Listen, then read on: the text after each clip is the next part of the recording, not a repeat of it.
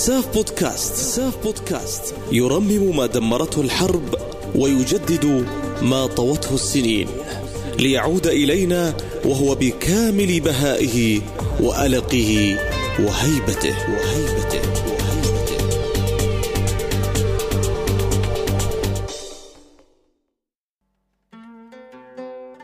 السلام عليكم وأسعد الله أوقاتكم بكل خير. هذه حلقة جديدة من ساف بودكاست. كتبتها كالعادة المهندسة ريا عامر وتسمعونها بصوتي أنا أحمد الزوري. أهلا بكم.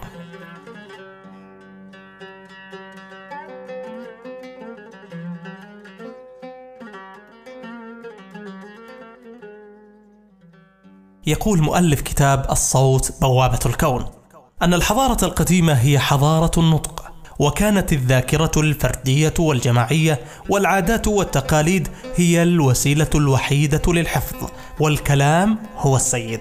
فالصوت عند الهنود الأمريكيين كان يستعمل للشفاء وهو الشيء نفسه عند بعض الصوفية المسلمين وفي الطب العربي القديم حيث كان الغناء يستعمل وسيلة للعلاج.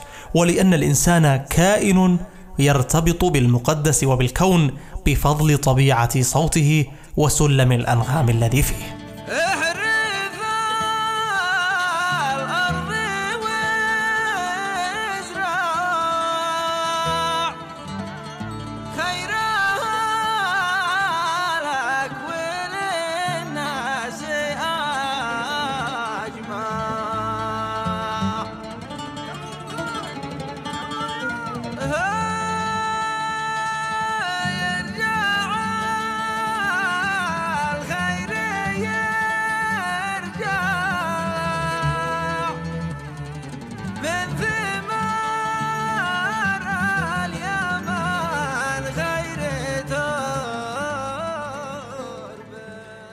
في يوم إجازتي قصدت قريتنا بعد أن نبهني صديق بأنها أمطرت البارحة.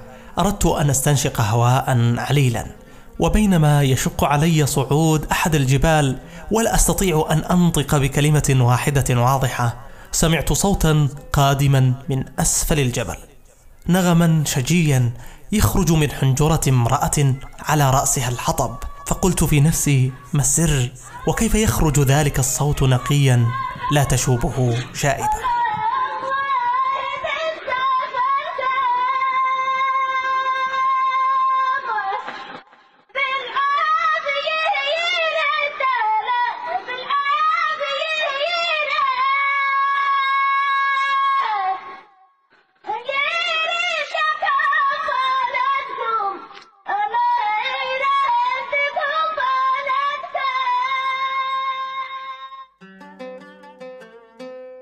بين انفخ تعبي وهمي في هذا الوادي. علشان أرجع البيت وأنا بخير. أمانة بين غني وافتهن لأني بين حسن صوتي يوصل لسابع سماء.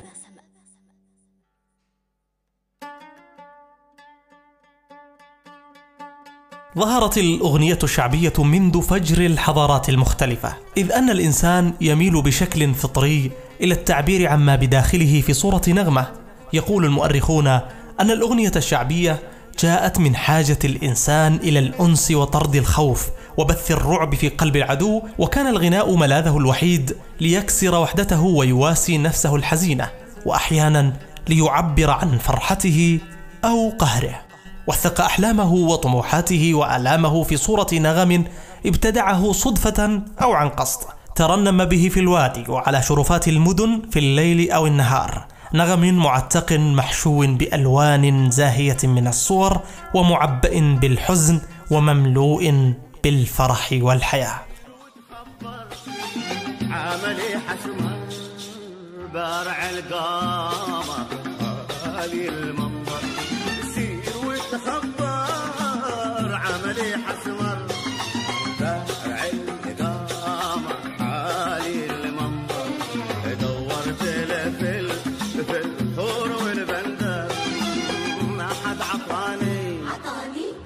منه أخبار عادوا عادوا هنا أو صار ودورت له في الخور والبندر ما حد منه أخبار عادوا عادوا هنا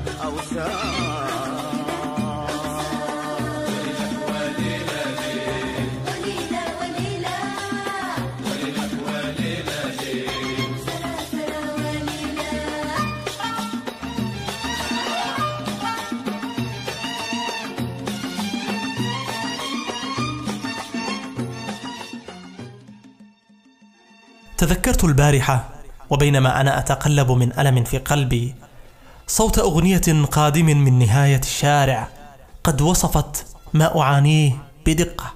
استغربت كيف لهذه الأغنية التي لها أكثر من ستين عاما أن تصف حالي بدقة متناهية؟ وكأن أقدار هذا الجيل ما هي إلا تجارب وأقدار أجيال أخرى. إن تشابه الظروف التي نعيشها كبشر أو كأبناء بلد واحد من شوق وحب ومعاناة وغربة وحنين للوطن تجعل من الأغاني الشعبية ملتقى نجد فيه أنفسنا مهما اختلف أبطال الأغنية الأصليون. يا عيني لا تدري في الدمعة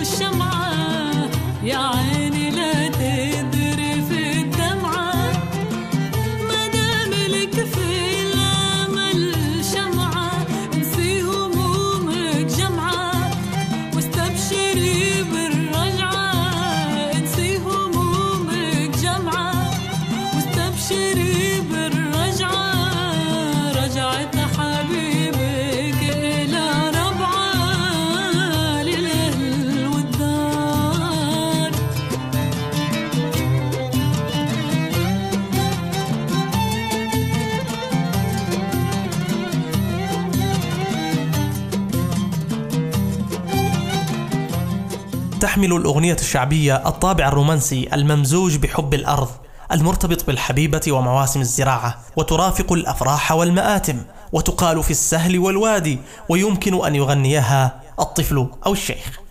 ولذا تفوز الأغنية الشعبية بقدرتها على الوصول لأكبر عدد من فئات المجتمع من فلاحين وكتاب ومثقفين وشعراء وفنانين وغيرهم. يمكنها أيضا أن تغير أسلوبهم وسلوكهم بسهولة نتيجة لتأطير الرسالة في صورة مألوفة وغير جديدة بالنسبة لهم. على عكس تلك الرسالة التي تقدم في صورة فنون جديدة وغريبة والتي بطبيعة الحال قد تلاقي قبولا ورواجا عند فئة معينة وهي الفئة الأكثر انفتاحا على العالم ولكنها قد تجد رفضا واسعا من بسطاء الشعب حتى وإن كانت تلك الرسالة إيجابية بسبب هذه الصورة الهجينة التي قدمت بها. ومما أكد لذلك ما حصل عند الجائحة في عام 2020 عندما عكفت المؤسسات والقنوات على التوعية متخذة كل الوسائل الحديثة من تقنيات الرسوم المتحركة والأفلام القصيرة وغيرها إلا أن أهل القرى والأرياف وشريحة كبيرة من المجتمع لم يلقوا لذلك بالا بعكس ما حدث بعد ظهور أغنية لا تجونا لا نجيكم الأغنية الشعبية التي ترافق معها العزف التقليدي الشعبي.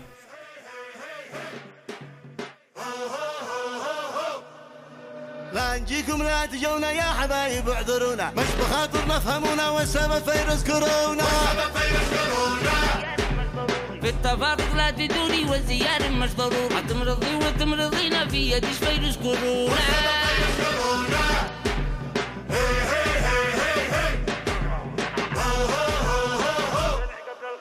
من عزايم أو زيارة نمتنع قبل الخسارة. قبل ما الأعراض تجينا ينتقل فيروس كورونا.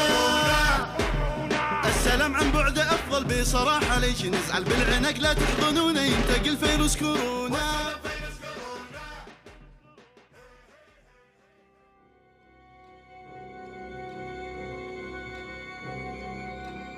كان يا مكان في قديم الزمان. كان بين مرا زوجها مغترب وعندها طفلين. مرت سنين وما وصلتهاش منه أي أخبار. ويوم وفي جمعة رجب طلعت جبل البيت وغنت والدموع بتنزل من عينها. جمعة رجب جات وقلبي مهفهف لحد وصل خليه ولا خليه ترقف فسمعها أحد الجن وتأثر من بكائها وحزنها. وقرر إن يحمل زوجها ويديه للقرية وفي الليل وهي بتطحن الحب في المطحن. سمعت دقدقة باب من؟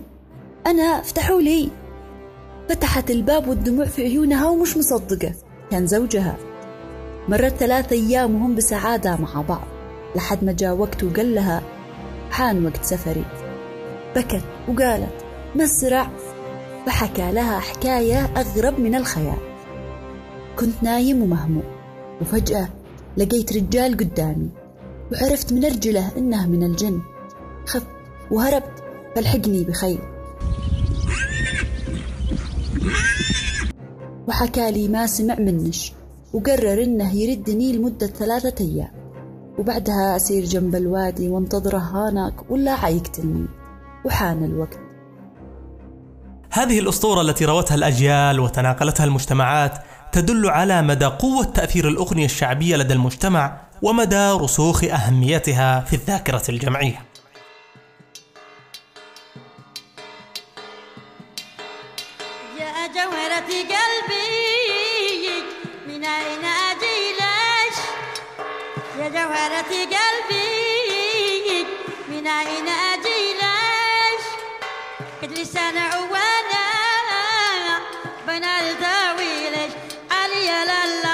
علي علي لا لا لا لا.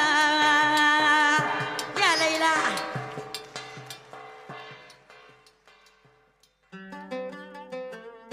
تمتلك اليمن مخزونا فنيا ضخما يتنوع ويختلف باختلاف المناطق واللهجات وكل منها له أغان خاصة فللسهل أغانيه وللبحر أغانيه وللجبل والساحل والوادي. أغان أخرى أغاني الزراعة والحصاد أغاني الحب والأعراس والغربة والعزاء. وإلى جانب الأغنية الشعبية وجد أيضا في التراث اليمني أساليب وصور أخرى للكلمة الملحنة. نجد البالة والرزفة والملالاة والزامل وغيرها.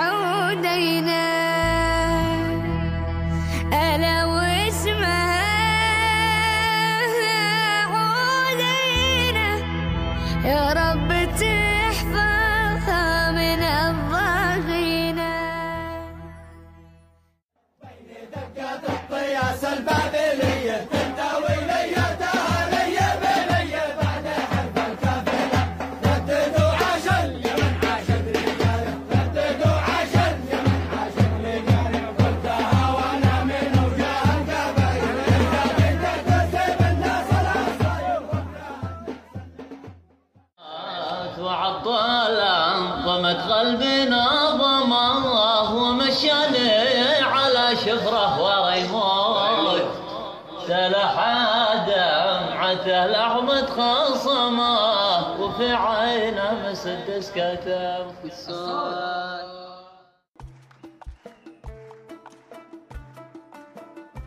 منذ الأزل كانت الوسيلة الوحيدة للحفظ هي الاعتماد على الذاكرة الإنسانية والتناقل الشفهي من جيل إلى جيل. ونتيجة للتطور وقلة التواصل الاجتماعي الحقيقي فإن هذا التراث الشفهي معرض للنسيان والسرقة والحفاظ عليها مسؤولية الجميع. كل فرد في مجال تخصصه أولا ثم عمل مؤسسي جاد يرتفع بمستوى الفن اليمني ومن الجهود المشكورة هذا الحراك الفني وهذه المحاولات الجادة والرائعة لبعض شبابنا لتخليد وصيانة هذا الإرث الثقافي العظيم وتسطيره للعالم بصورة مشرفة.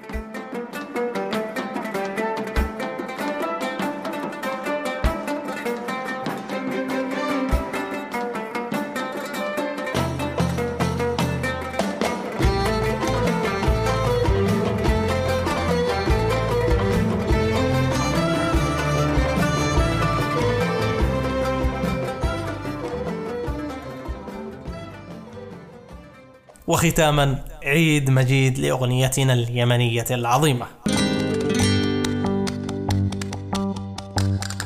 إلى هنا انتهت حلقة اليوم من ساف بودكاست. لا تنسوا الاشتراك والمتابعة والتقييم على منصات البودكاست المختلفة. وتقبلوا تحايا فريق ساف بودكاست. كما هي تحية خاصة مني أنا أحمد الزوري. في أمان الله.